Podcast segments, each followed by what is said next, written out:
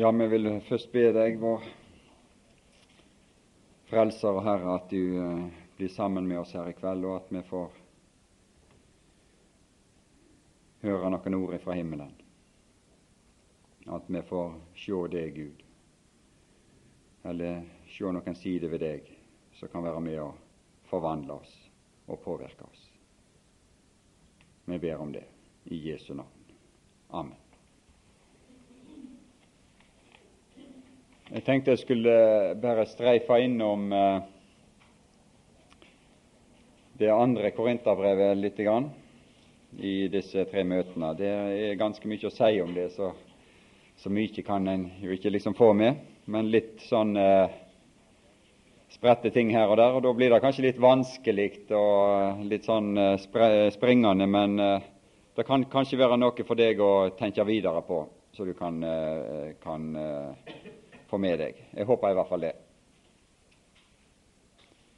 Eh, det er gjerne slik at når en skal liksom eh, prøve å skjønne eller forstå eller trenge inn i hva liksom er det egentlig eh, apostelen vil her, hva det han tenker på, hva er poenget hans, hva er det han er ute etter, hva slags situasjon er det de er i, som han vil komme dem til hjelp i, så må en jo prøve å lese gjennom dette her og se hva er, hva er det som er problemet her i Korint.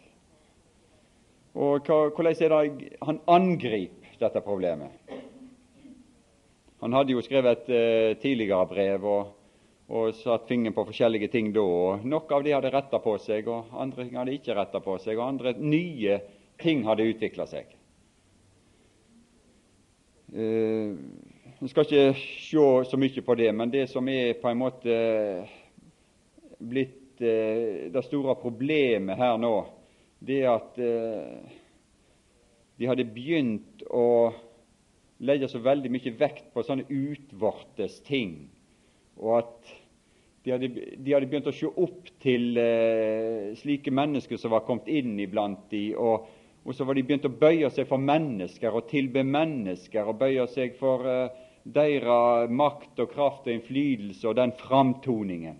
Der det var, kom noen iblant de som la veldig vekt på liksom de utvortes ting. Det ytre, det som skjedde på scenen. Og så eh, var det blitt mange ting som ble feil hjå den enkelte i forsamlingen i menigheten der, som følge av dette. Og eh, når han kommer de da i møte for å møte dette her med de ytre, de utvartes ting Og det var også da ført med seg også en blanding. Sant? At man begynte liksom å leve halvt kristelig og halvt verdslig. Sant? Litt Kristus og litt Belia. Sant? Litt tro og litt vantro. Litt eh, renhet og litt urenhet. Litt hellighet og litt vanhellighet. Sånn sånn i en sånn passe blanding. Og Det var følgen av denne menneskedyrkelsen og disse dyrkelsen av disse ytre ting som de var begynt med. Og Det er liksom litt av bakgrunnen for det hele. Det er den, denne situasjonen. Men det var mye også rosa. Det var mye som var bra iblant dem. Men eh, det han forsøker å presentere til dem da, er to ord om Gud i kapittel 1 og i vers 3.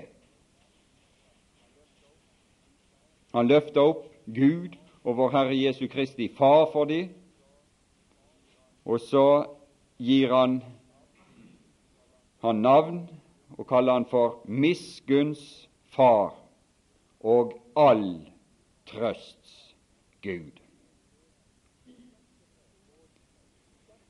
Og dette brev omhandler hvordan det er å ha en slik far. Og hvordan det er å ha en slik Gud, hvordan livet med en slik far og en slik, uh, slik Gud utarter seg i denne verden. Det er det som, er, det er det som brevet handler om. En far han har sønner og døtre står det her ute i kapittel 6.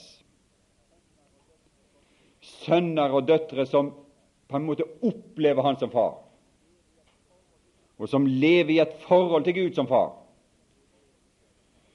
Det er det vi ser i slutten på kapittel 6.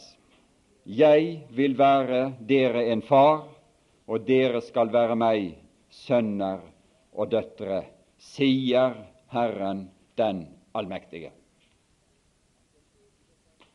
Han kommer inn i dette han, sitt folk, som på mange måter har involvert seg i så mange vanhellige ting. Og så stiller han seg fram for dem og sier, 'Jeg er far'. Ønsker du å ha meg, med meg å gjøre som far?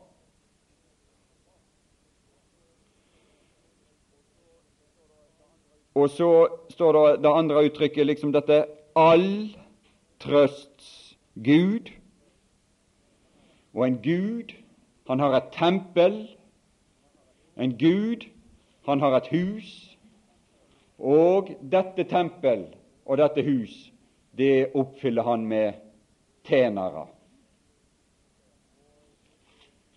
Og det er den levende Guds tempel, og han som er der i dette tempel og vil bo iblant sitt folk der, og de skal være hans tjenere i kapittel 6 eh, og vers 16 igjen. Der står det om Guds tempel. Og Der har Gud har sagt 'Jeg vil bo iblant dem og ferdes iblant dem', og 'jeg vil være deres Gud', og de skal være mitt folk. Og der i, i, i huset, i tempelet, så vet vi det at det utføres et arbeid, det gjøres tjeneste der.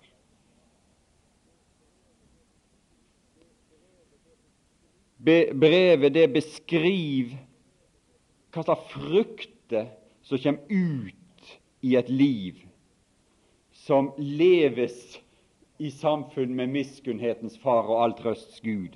Og så stiller det de frukter opp imot andre frukter. Det, det, er slik at det blir noe av denne freden vi sang om i et sant liv. Kan du være helt sikker på. Det skal bli en reell erfaring i våre liv hvis vi vil leve med miskunnhetens far og all trøst Gud. Så skal det bli erfaringer av fred. Og det skal bli erfaringer av nåde, som det står om her i vers 2. Nåde og fred. Og det er det som, kan du si, er målet, det som er, er Paulus' mål med det han skriver her det er å føre eller det å beskrive et liv i Guds nåde. Og det livet i Guds nåde, det er samtidig et liv innenfor Guds åsyn. Altså der Hans åsyn, der Hans ansikt alltid er over, våre liv. Og det å føre oss inn i en slik tilstand, den enkelte av oss, det er det som er målet med dette brevet. Det er det han ønsker å oppnå i meg og deg. Og det, fordi han lever der sjøl, så er han i stand til å føre oss inn og hjelpe oss inn til det samme mål. Og Hvis du vil lese gjennom dette her brevet, skal du se for Guds åsyn, for Guds åsyn, for Guds åsyn, for Kristi åsyn. Det går igjen og igjen og igjen og igjen. For Hans åsyn. Og det som er så velsigna for det åsynet, at der er alt åpenbart. Da drives ikke noen skumle, hemmelige ting innenfor Guds åsyn. Det, det, alt tåler dagens lys som foregår innenfor Guds åsyn. Det finnes ingen hemmeligheter der. Det er skjult for verden, men det er ikke hemmelig. Det er ingen hemmeligheter. Det skjer ikke noen baktanker der. Det er, det, det, det, ingenting, ingenting, av den, den, slags ting som foregår i denne verden. Og han sier det i kapittel 5, som alle kjenner her, at når det har seg slik at uansett hvordan vi lever i denne verden, så skal vi framstilles for Kristi domstol, der alt skal åpenbares så sier han liksom som en konklusjon av det La oss like godt leve i det åpenbare her og nå med en gang. Det er det han sier der i kapittel 5. La oss like godt være åpenbare, først overfor Gud, og så overfor hverandre. I vers 11 så sier han da Jeg håper òg jeg, jeg, eh, jeg, er åpenbar for Gud, sier han. Men jeg håper òg I vers 11 står det der For Gud er vi åpenbare. Men jeg håper òg å være åpenbar for deres samvittigheter. At det var åpenbart hva han sto for. Det var åpenbart hva han var. Overfor deres samvittigheter. Omgivelsene, sine sinn, sin tanke, sin samvittighet. At de møtte noe i Paulus av åpenbarhet. Så eh, vi kan like godt begynne å være åpenbare med en gang. for å oppnå dette her i oss, et slikt liv, som han Gud demonstrerer på en måte i Paulus her. For han er jo på en måte en, en, en Gud skulle vise hele fylden av sin miskunnhet og sin nåde på han. Og, og, og, og, eh, som et mønster, kan du si, for oss. Slik at vi ikke skal si at nei, dette liksom eh, min situasjon er sånn og sånn, og jeg har det så og så, og, og sånn og sånn, at dette her er, kan liksom ikke Gud takle med. Så har Gud valgt denne mannen for å vise hele fylden av sin nåde på han. Og Derfor så finner vi beskrivelser her som viser at han overgår alle ting, og at han i dette forholdet kan gjennomgå alle ting. Som et eksempel, som et mønster for oss og som noe som er oppnåelig for den som vil leve i dette samfunnet. Da finnes det ikke noe som skal liksom gjøre dette uoppnåelig for noen av oss. Eh, Gud bruker, kan vi si Han benytter seg av, av ei tjeneste, han benytter seg av tjenere for å oppnå dette i oss. Og det, det, Du kan si at det er på en måte en skjult tjener som går igjen her som er hans tjener,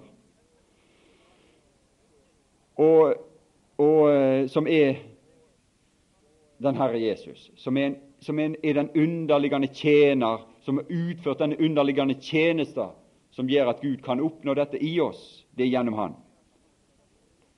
Men Han, han har sendt til oss for liksom at denne tjenesten skal kunne foregå blant alle hans i den ganske verden så, eh, så, har han sendt på en måte eh, sin tjenere, om du kan si eh, på en annen måte, nemlig det står at han satt, gav oss Ånden til pant i våre hjerter. Og så står det tale om en Åndens tjeneste. At Ånden gjør ei tjeneste.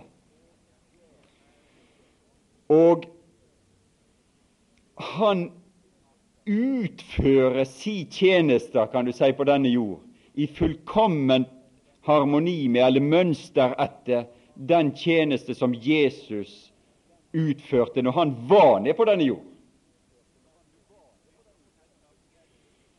På samme måten som Jesus, Jesus kan du si, var iblant sine og utførte ei tjeneste blant de som han samla til seg, så, så sier han i Johannes at slik skal Ånden komme og gjennomføre og fortsette denne tjeneste. Ikke begrensa til Judea og Samaria og Galilea og de distrikt der, men det skal følge hans utover den ganske verden, denne tjeneste. Han skal ta av mitt og gi til dere. Han skal åpenbare meg. Han skal være meg, om du kan si det sånn, iblant dere. Vi skal komme litt tilbake kanskje til, til akkurat den, den saken senere, hvis, hvis, det blir sånn, kanskje i morgen. Og han, Det står tale om at ei åndens tjeneste her i kapittel 3, og i vers 8 så står det det uttrykket 'åndens tjeneste'. Og Det står i vers 6 at Ånden gjør levende. Men så står det i kapittel 3 og vers 17 at Herren er Ånden. Det er Herren som er Ånden. For han kjem, det er Han som kjem til oss ved Ånden, som han i kapittel 1 og vers 22 gav til pant i våre hjerter. I det Gud bind oss fast til Kristus og salve oss ved dette. Det er en forbindelse, og det er en ubrytelig forbindelse. Denne forbindelse som står om her i, i vers 21. 1.21. Den som binder oss fast til like med dere, fast til Kristus, og som salvet oss, det er Gud. Og det Gud har sammenføyet, skal mennesker ikke skille. Kan du være sikker på. Det er ingen mennesker som skal kunne løse disse bånd som bindes her, og som satte sitt innsegl på oss og gav oss Ånden som pant i våre hjerter, som en forsmak på dette her, for, som en forsmak på denne forbindelsen med Kristus. For vi er bundet fra, eh, fast på en måte til en som er usynlig, men det skal åpenbare seg ganske snart, denne forbindelse. Den skal bli åpenbar, synlig. Men mens dette her er en usynlig er bånd og en usynlig forbindelse, så har Gud gitt oss en forsmak på dette her, i og med at Han har gitt oss Ånden til pant i våre hjerter.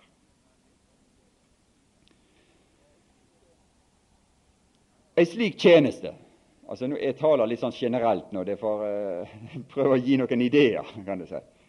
Uh, en slik tjeneste, som denne tjeneste her, den skaper nye tjenere av samme art. Det er det vi ser i Paulus. Han ble en slik tjener. Og han er en tjener for oss. Han, han, er, han er vår tjener, står det her. Han arbeider for oss. I kapittel 4 og vers 5 så står han vi er deres tjenere. Og denne tjeneste, den drar også, også oss med i den samme art av tjeneste. Og så blir vi tjenere. Den skaper nye tjenere. Vi er det sier jo Paulus i kapittel 6 og vers 4.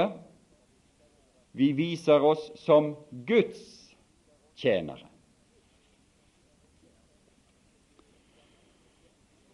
Det, den enkelte, men også kan du si forsamlingen, menigheten, sånn i fellesskap, og står også omtalt i ei tjeneste. Fra kapittel 8 så taler han om Makedonias menigheter. Og Den tjeneste det står tale om her, det er rett og slett å dele sitt, sin overflod med de som har mindre, og som har bruk. Mine penger er ikke mine penger. Det tilhører legemet. Det tilhører Kristus. Jeg, Gud har gitt meg å disponere dem, men de er ikke mine. Slik at hvis det er et lem på legemet som trenger noe, så er det de som skal ha de pengene. Det er ikke det at jeg i og for seg liksom skal være her oppe og liksom den store mannen som skal liksom gi en annen lem på mitt legeme. At liksom høyrehånda skal liksom bramme seg og si at nei, du stakkars veslehånd, nå skal du få en veldedighet av meg. Sånne, ting, sånne tanker er det ikke, ikke er tale om her. Vi kan kanskje gi litt til de fattige som er utenfor. Men innenfor menigheten så er det på en måte fellesskapstanken som er den rådende. Og slik var det her.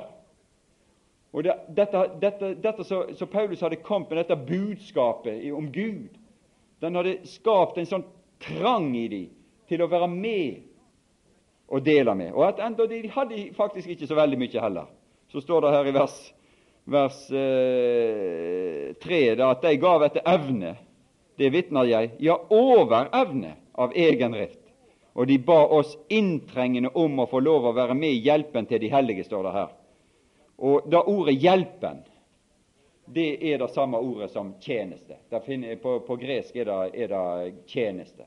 Så det burde helst stått, for at vi skulle få tak i tanken her, så burde det helst stått om, om lov til å være med og dele samfunn med den tjeneste som skal utøves for de hellige. Det er det som står der.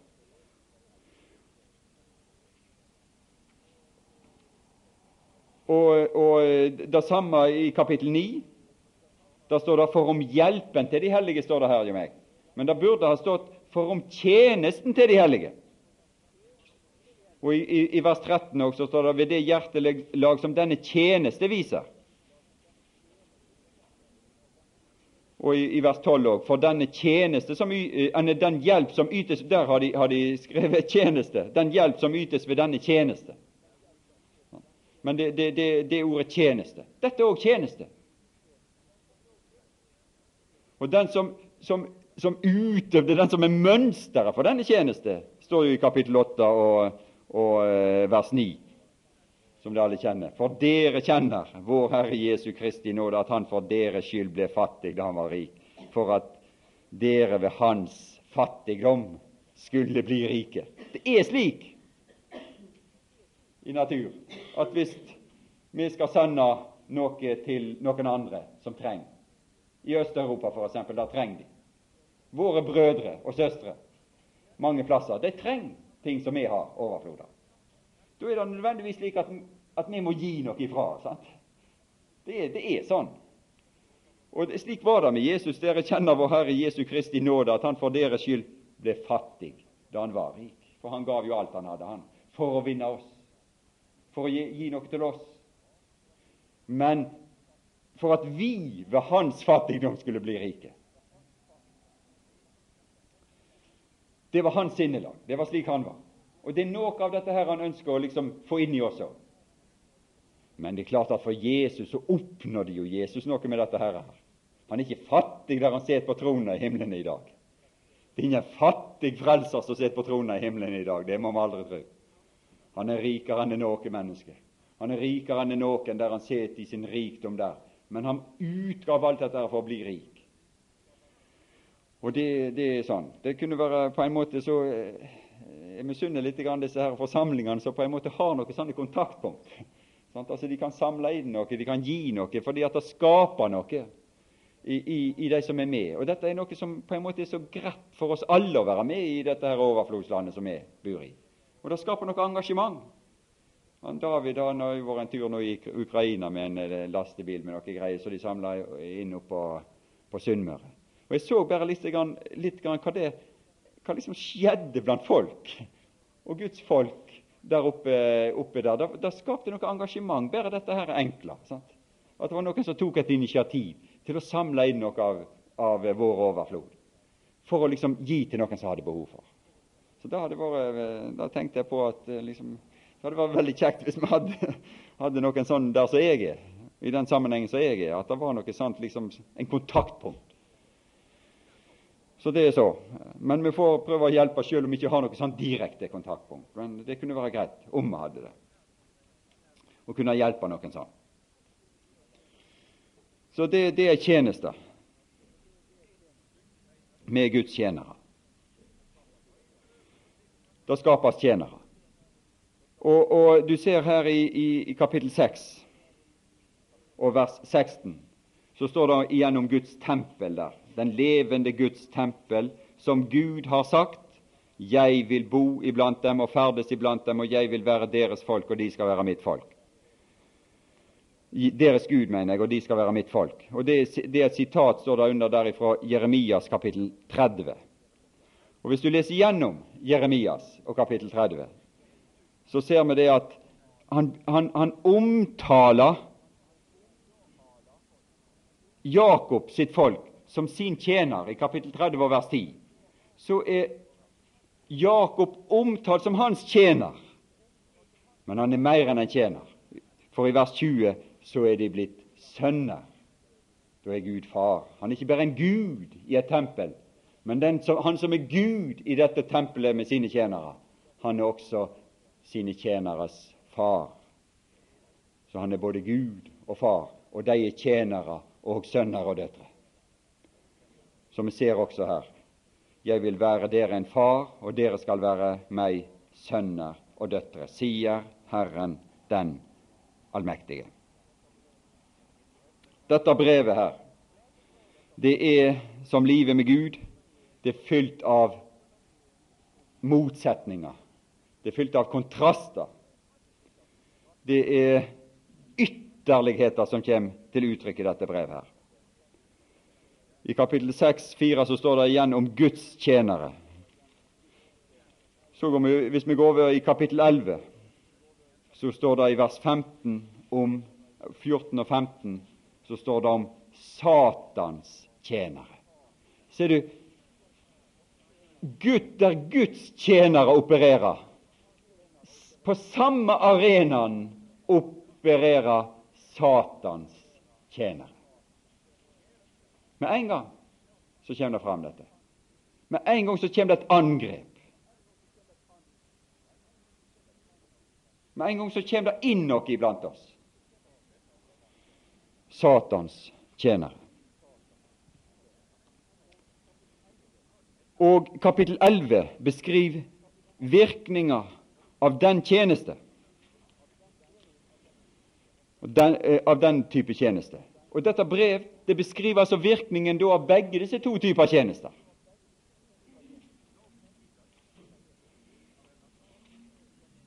Vi har begrep som i kapittel 1, for eksempel, så sier, så sier Paulus i vers 24 at han er ikke er herre over deres tro. Det var det de ønska disse i kapittel 11. De vil være herre over menighetens tro, over den enkelte. Jeg vil være herre over de tro. Jeg vil bestemme hva du skal tro og mene. Det er veldig greit, det. Den store pastoren sant? som vil bestemme hva folket skal tro og mene. Det er veldig inn i våre dager. det. Og de greier å overbevise folk om at slik skal det være. Det skal ikke være slik. For det skaper maktstrukturer, usunne maktstrukturer iblant oss med en gang. Det er ikke Guds mening det skal være slik. Og Paulus, apostelen, den store apostel, han vil være, ikke være herre over deres tro. Slik som disse her ute i kapittel 11. I, i, I vers 20 så står det om disse. Dere tåler det jo om noen gjør dere til treller. Altså om noen opphøyde seg over de og ville være herre over deres tro, så tålte de det gjerne her i denne menigheten. Syns det var all right, det. Og greit, det. Så var det en annen som bestemte hva de skulle tro. Enkelt og greit. Slapp du bestemme sjøl hva du skulle tro på. Slapp du å stå ansvarlig overfor Gud sjøl når det er en annen som bestemmer hva du skal tro på, og hva som er rett og galt. Men det er ikke Guds vei, det. Det er djevelens vei, det. Det er Satans vei, det. Det er ikke Guds vei. Det er ikke Paulus' vei. Vi er ikke herrer over deres tro, men vi arbeider, han er en tjener, en slave, med på deres glede. Frukten av Paulus' tjeneste er glede. Det er sann glede. Og denne glede her, den, den, den, ja, det står tale om, om, om også at der Herrens ånd er, er det frihet, ikke for kjød. Ikke for kjød å utfolde seg. Med, med frihetsbegrep Vi sier at hvis, hvis kjøtt kan utfolde seg fritt, da er vi frie. Det har ingenting med frihet å gjøre. Det er en helt annen art av frihet. Så Det er jo det som gjør liksom disse begrepene kanskje litt, litt vanskelige. Det står tale om seier, det står tale om kraft.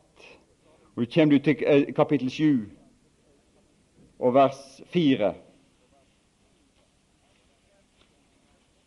Så ser vi en mann som har med herlighetens far og all trøsts Gud å gjøre. Og midt i verset da sier han 'Jeg er full av trøst'. Jeg er overvettes rik på glede. Ja, du som er en slik stor gudstjener, Paulus, da, du har vel hatt suksess i alle forhold. Da blomstrer vel rundt deg òg, da. Han sier det her. Jeg er overvettes rik på glede under all vår trengsel. For heller ikke da vi kom til Makedonia, hadde vårt kjøtt noen ro, men vi trengtes på alle måter. Utenfor oss var strid, inni oss var frykt.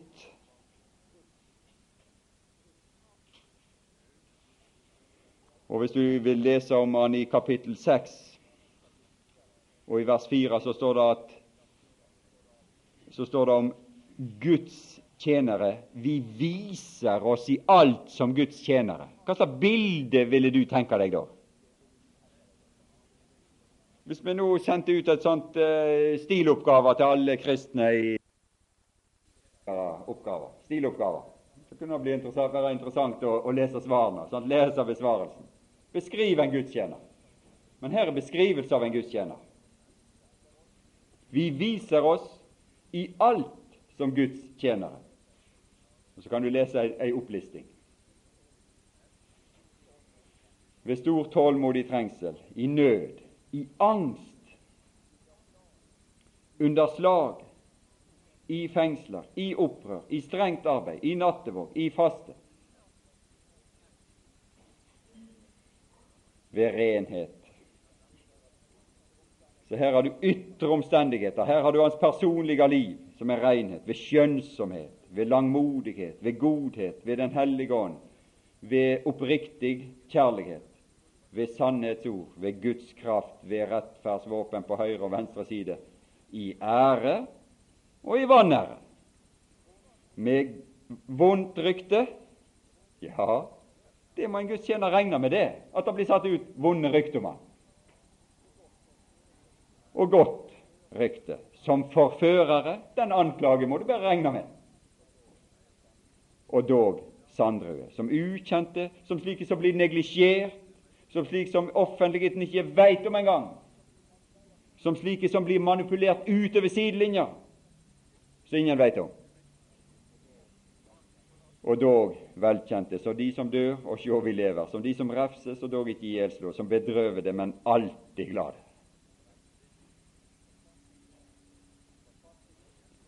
Som fattige, som dog gjør mange rike. Ja, ja. Det er han som ikke hadde, sitt, hadde det han kunne helle sitt hode til i denne verden, som har gjort oss rike, ikke er det? Det er Han som gjorde oss rike. Som de som intet har og dog eier alt. Altså, det, det, er jo, det, er jo, det, er jo, ekstreme beskrivelser, dette her, sant? av en Guds tjener. Så vi må ikke liksom gå rundt og tro at liksom, hvis du er Guds tjener, så liksom er bildet liksom sånn at da er det suksess og framgang og velstand og vellykkethet og kjøre rundt i fine biler og går rundt i fine klær og alt sånne ting, og forretningen blomstrer og alt dette her. Det har ikke noen ting med sånne ting å gjøre. Ingenting med sånn å gjøre. Du så når han kom til Makedonia her, ja, så, så, så fikk han ingen ro der. Og de ble trengt på alle måter. Strid utenfor, inn i frykt. Men Gud står det i kapittel 7 og vers 6, som er all trøsts Gud. Det var noe Paulus opplevde. Ja, han opplevde mye. Han opplevde at alle forlot meg, sier han ved, ved, en, ved en, anledning i Timoteus' brev. Alle forlot meg. De forsvant alle. Men den som binder oss til like med dere fast til Kristus. Det var noe bånd der.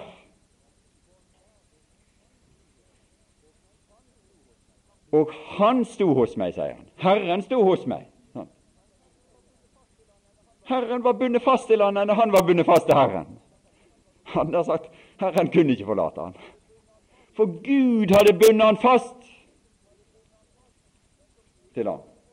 Den som binder oss til like med dere fast til Kristus. Det er Gud. Og de bånd som Han har valgt å binde oss fast med til Kristus, og det arbeid og den gjerning Han gjør, blir stående. Det skal ikke mennesket. Det finnes ikke noen situasjon, det finnes ikke noe forfølgelse eller trengsel eller noe som kan møte oss som kan være med og bryte disse bånd som Gud har bundet oss fast til Kristus med. Herren sto hos meg. Han var der, alltid. Og Gud som trøster de nedbøyde, han trøstes oss ved Titus' komme. Så sender Gud òg kanskje en sånn, sant? Av og til gjør han det. Ja, Paulus ble trøsta ved det at Titus kom og besøkte ham. Jeg skulle tenke på det av og til. Kanskje jeg skulle gå innom til den og den. Sant? Kanskje jeg skulle gå innom der en tur. For at all trøst Gud kan bruke deg. Og så endatil Paulus fikk trøst ifra Gud, oppmuntring fra Gud, ved Titus' komme. Og ikke bare ved hans komme, men òg ved den trøst hvormed han var blitt trøstet og dere. Ser du liksom disse tingene når de brer seg ut i det han meldte oss deres lengsel, deres klage, deres nikjærhet for meg, så jeg ble enda gladere. han var jo glad, og ingen kunne rokke en millimeter ved den glede. Ingen kunne ta et gram ut av den glede som Paulus hadde i Gud. Men det kunne bli lagt noe til den glede, på en måte. Sant? Det er det, det vi ser her. Det var noe som skjedde. det var noe, Han, han gleda seg over at, at det var tross alt en minimum av respons i Korint. Det hadde skjedd noe som følge av hans første brev. Som følge av hans formaninger, hans tilskyndelser, hans refs. Så hadde det skjedd noe. Det var skapt et, et resultat. Og det gjorde han enda gladere. De hadde blitt bedrøva litt, sa han, men det er to, to arter bedrøvelse. Det er en bedrøvelse som er etter Gud. Det er en god sak den bedrøvelse som er et Guds sinn, det er en god sak. Men den bedrøvelse som, som er av verden, verdens bedrøvelse, frukten av den er død. Men den bedrøvelse som er etter Guds sinn, frukten av den er omvendelse og frelse og kraft og liv. For frelse og liv hører alltid sammen. Det er liv, det.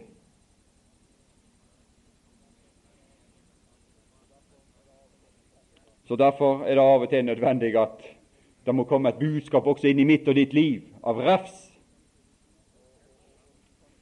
og, og, og, og liksom sånne ting som kan røske litt i oss. Så det kan kanskje virke bedrøvelse i oss. Men den bedrøvelse, hvis han er etter Guds sinn, så driver han oss til Gud, til omvendelse. Også som troende folk. Altså Den omvendelse her er ikke verden som skulle omvende seg, men det, det, det, det var det i Korint som hadde behov for en omvendelse. Akkurat som Peter, når du omvender deg, Peter sant?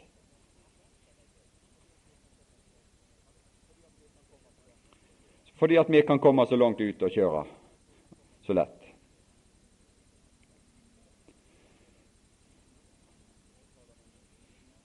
Det står tale om en visdom, en åndelig visdom her i dette brevet. Motsetningene til alt dette her, her har du ute i kapittel 11, eller kapittel 10 og vers 11. Kapittel 10 og 11.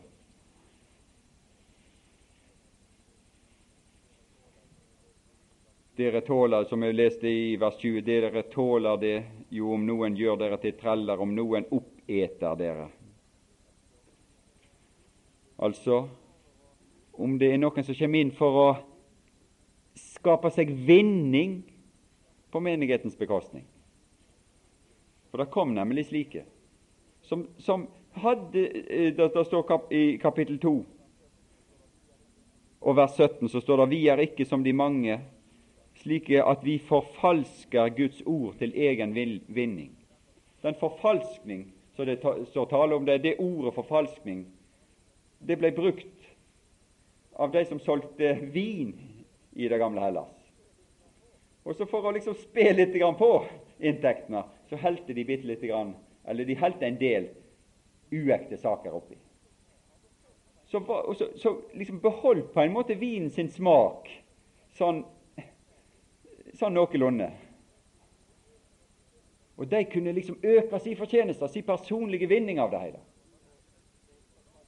ved å, å forfalske på den måten der. Og Det var litt vanskelig å avsløre. Du måtte, måtte, ha litt teft, du måtte ha litt smak for å avsløre at denne vinen var ispedd. Det er visst når jeg sier de som har greia på det, sier det at det ordet forfalsk, forfalsker. Det, det, det henspeiler på det.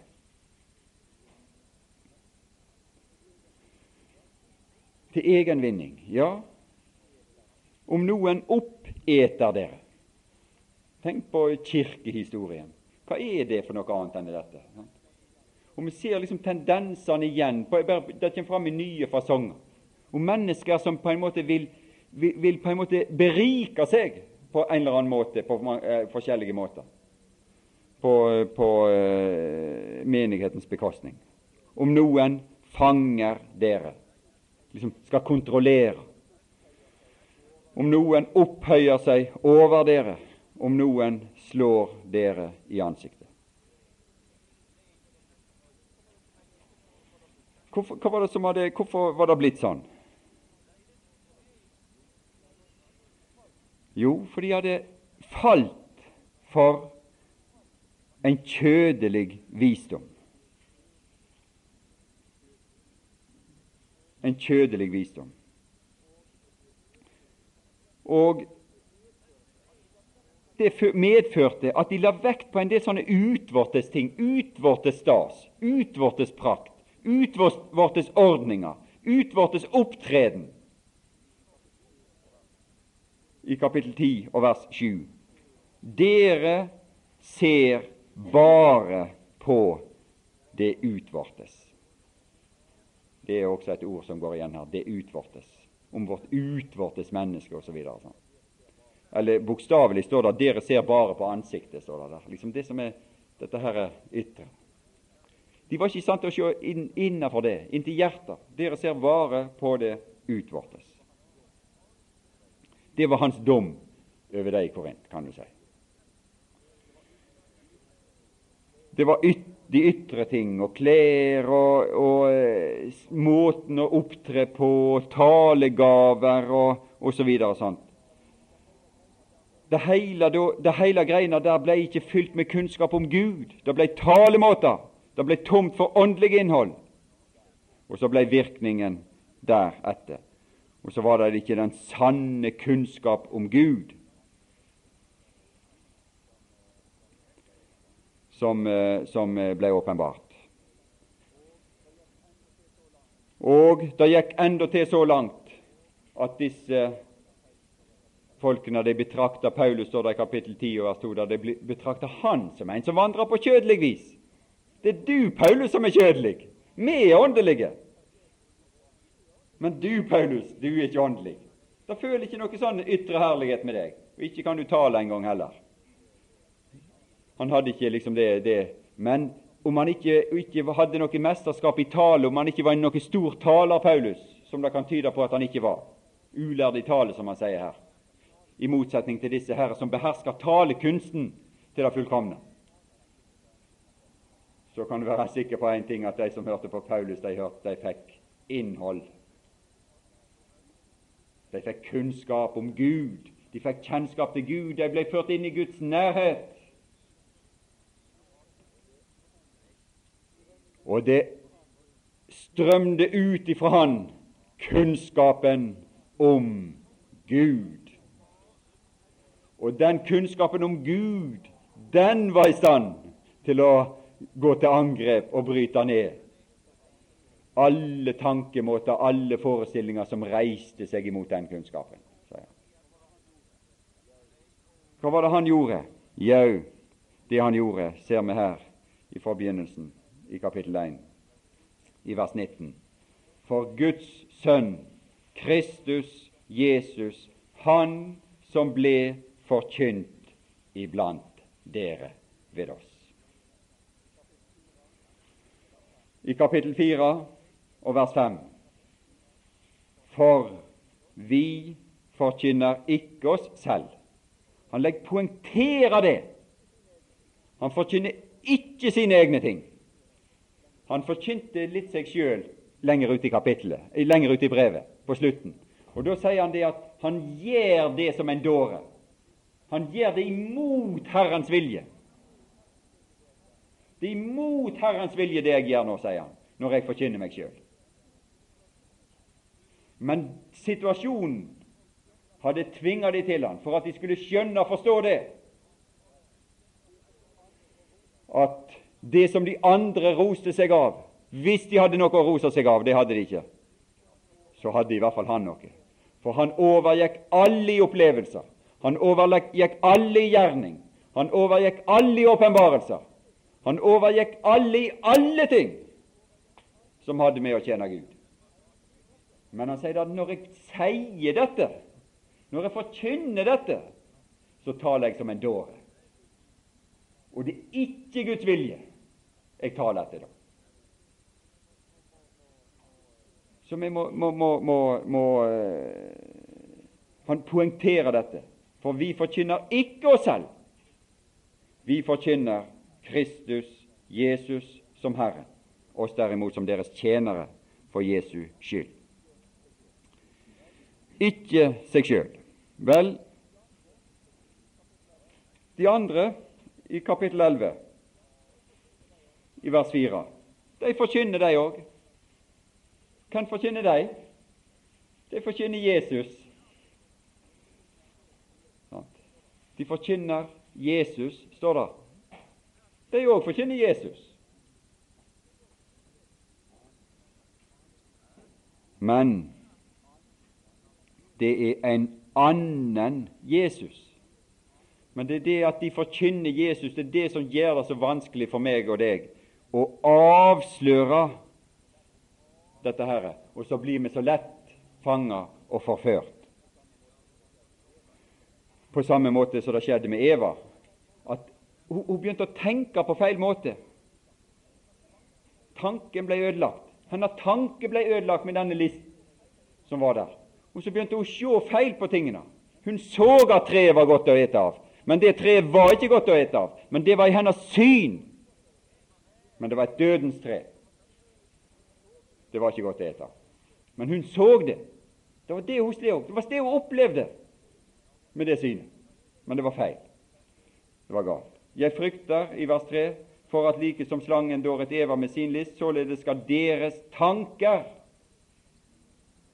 forderves og vendes bort fra den enfoldige troskap mot Kristus. Og det er dette Paulus kommer med sin forkynnelse av Kristus og sin framstilling av Kristus så legger han denne forkynnelse i Guds hånd.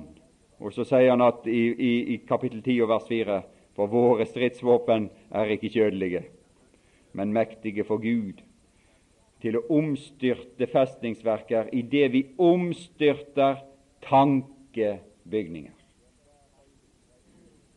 Og enhver høyde som reiser seg imot kunnskapen om Gud, og det har han utlagt i kapittel 2, 3 og 4 hva som kunst, og 5 og 6 for så vidt òg, hva kunnskapen om Gud går ut ifra. Vi skal se litt på det, kanskje. Og tar enhver tanke til fange under lydigheten mot Kristus. Det er ikke sikkert jeg kan være lydig mot Kristus i alle ting jeg gjør sånt. Det, det er ikke sikkert jeg makter det i alle mitt liv, men det er noe med at tanken min må bøye seg for Kristus. Jeg må bøye meg for Han og Hans ord.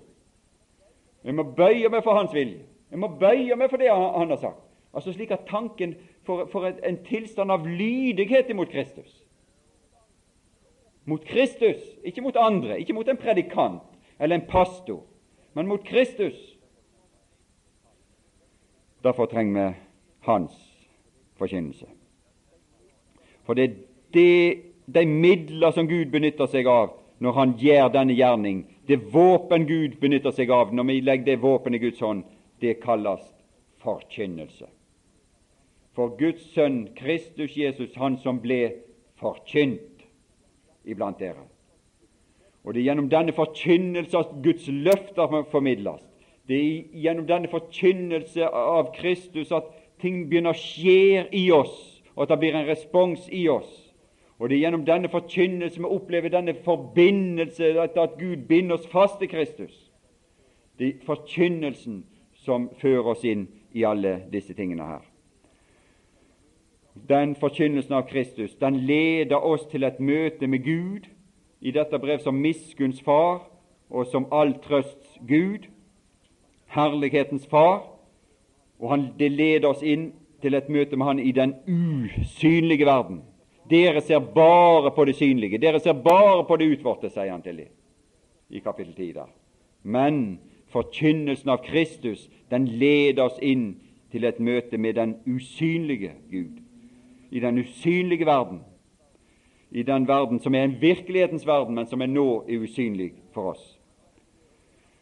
Og i dette møtet så lærer vi Gud å kjenne som en Gud som er omgitt med frelse på den ene sida og fortapelse på den andre sida. Det er kunnskapen om Gud. Det er de som blir frelst, de som går fortapt. Frelse fortapelse. Det er den grunnleggende kunnskap om Gud. Det gjaldt både overfor den som lever uomvendt i verden, men det gjaldt på en måte også for oss som står i troen og, og, og, og lever dette liv. Og, Spørsmålet er er det frelse eller fortapelse i det som vi beskjeftiger oss i fra dag til dag. Hva, hva, hva er innholdet i det hele? Hva dreier vårt liv seg om? Er det slike vanhellige forbindelser som det står omtalt i kapittel 6? Eller er det frelse? Er det renhet? Er det hellighet? Er det det som hører med til Gud? Og liv, frelse og liv? Eller forbind med oss med fortapelse og død? Og kunnskapen om Gud, møtet om Gud Når vi får møte Han, så vil dette vi blir stilt på på en måte overfor dette valg. Frelse eller fortapelse. Så må vi forholde oss til det. Og det er det som er denne dette store, dette eminente, dette uimotståelige, når et menneske får tegne et bilde for seg av Gud, så må det tas et standpunkt du kan ikke bare liksom si det at 'dette vil jeg ikke liksom forholde meg til'. Det var umulig å møte Paulus uten å forholde seg til spørsmålet om frelse og fortapelse. Det var mange det var skjult for denne frelse, sier han. Og det var mange som vendte seg bort ifra det, og mange som ikke ville ha noe med det å gjøre. Men du kunne ikke være sammen med Paulus uten at du måtte ta et standpunkt til frelse og fortapelse i alle forhold. En duft, står det her, en kunnskapsduft.